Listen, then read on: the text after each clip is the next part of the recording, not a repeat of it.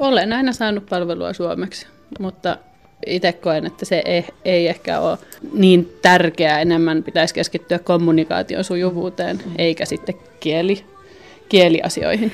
Anni Pöyhteri är uppvuxen i Helsingforsregionen och har bott sju år i Karis där hon bor med sin familj. Pöyhteri har alltså alltid fått service på finska i Raseborg. Hon tycker att det skulle vara viktigare att få kommunikationen mellan människor att fungera. No olen samaa mieltä siitä, että, että on huomannut tämän saman, että se, se on äh, usein vähän vaikea saada se täydellinen suomenkielinen mm. palvelu, mutta toisaalta mä en itse sitä on niin sillä lailla. Paula Ikonen är från Joensuu och har bott tio år i Västnyland. Just nu bor hon i Karis. Ikonen håller lite med kommentaren på Yle Västnylands webb på det sättet att hon har märkt att det är svårt att få service på fulländad finska. Men det stör henne inte, utan hon ser det mest som ett särdrag för regionen att man inte kan finska så bra. Det finns cirka 28 400 invånare i Raseborg. Av dem har 30,7 procent finska som modersmål.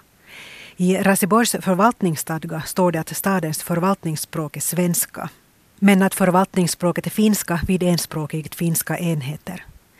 I Raseborg ska båda språkgruppernas behov beaktas jämbördigt i kommunens förvaltning, verksamhet och information. Mun mielestä oman kokemukseni mukaan niin virkamiehet puhuvat oikein, oikein sujuvaa suomea ja ikinä ei ole tullut tilannetta, missä en olisi suomella se selvinnyt.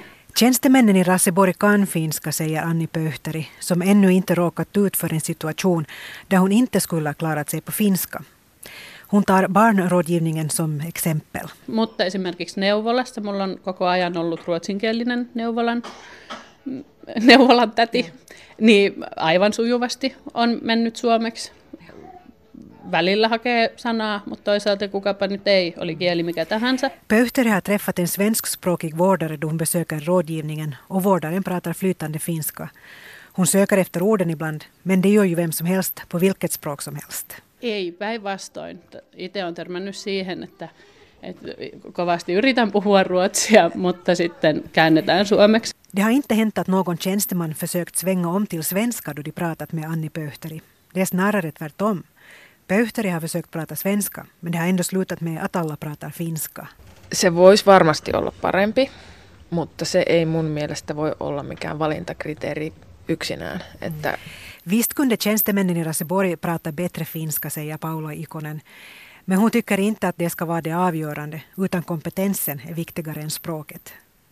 Det är klart att man måste kunna språk för att kunna ge service, men kunskaperna i finska är inte så dåliga som det påstås i kommentaren, säger Ikonen. Hon berättar att det kan vara knepigt då man besöker läkare och denna inte kan finska. jos vaikka menen Raaseporissa lääkäriin, niin se voi olla, että hän ei osaa sanakaan suomea.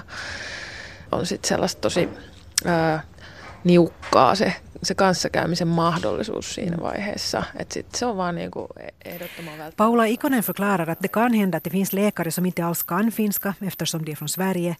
Eller så är det frågan om läkare som har så svaga kunskaper i finska att det inte uppstår någon dialog. Utan ärendet sköts bara och så är saken klar. Mä oon niin tottunut siihen, että mä, mä hoidan sen asian ja jatkan matkaa. Ei se jää mua mitenkään vaivaamaan. Mm. Ikonen säger att det egentligen inte bekymrar henne att läkarbesöken kanske inte blir sådana hon skulle vilja ha dem. Hon sköter sitt ärende och så fortsätter livet utan att det bekymrar henne särskilt mycket. På det privata planet tycker Paula Ikonen att hon själv borde kunna prata mera svenska. Men det vill inte riktigt bli av eftersom raseborgarna ofta gör så att var och en pratar sitt eget modersmål oberoende av vem man träffar. Och det är sådan flerspråkighet som Ikonen verkligen tycker om. Itse on sitä mieltä, että itse voisin enemmän puhua ruotsia. No, puhutko enemmän ruotsia nyt vai? No puhun ö, joo ja yritän muistaa sitten myös niin kuin ihan, ihan oman etuni takia käyttääkin sitä enemmän. Mä kyllä toivoisin, että täällä meillä Raaseporissakin keskityttäisiin, siirryttäisiin ajatuksesta, että ollaan kaksikielisiä, niin siihen, että ollaan monikielisiä ja monikulttuurisia ja siihen, että yritetään mahdollisimman hyvin ymmärtää kanssaihmisiä. Anni Pöhteri önskar också att raseborgarna skulle se på sig själva och sin omgivning som flerspråkiga och mångkulturella istället för att hänga upp sig på tvåspråkigheten. Hon önskar att vi skulle försöka förstå varandra istället. Paula Ikonen är inne på samma spår. Ikonen önskar att flerspråkighet och tvåspråkighet skulle vara något äkta i Raseborg. Tämä on tämä mun, mun henkilökohtainen toive, että, että se monikielisyys ja kaksikielisyys olisi sellaista aitoa, että kaikki, kaikki vaan niin pyrkisi ymmärtämään sitä toista, mitä se ajattelee ja arvostamaan sitä, mitä se osaa niin kuin oikeasti, eikä vain, että mitä se puhuu.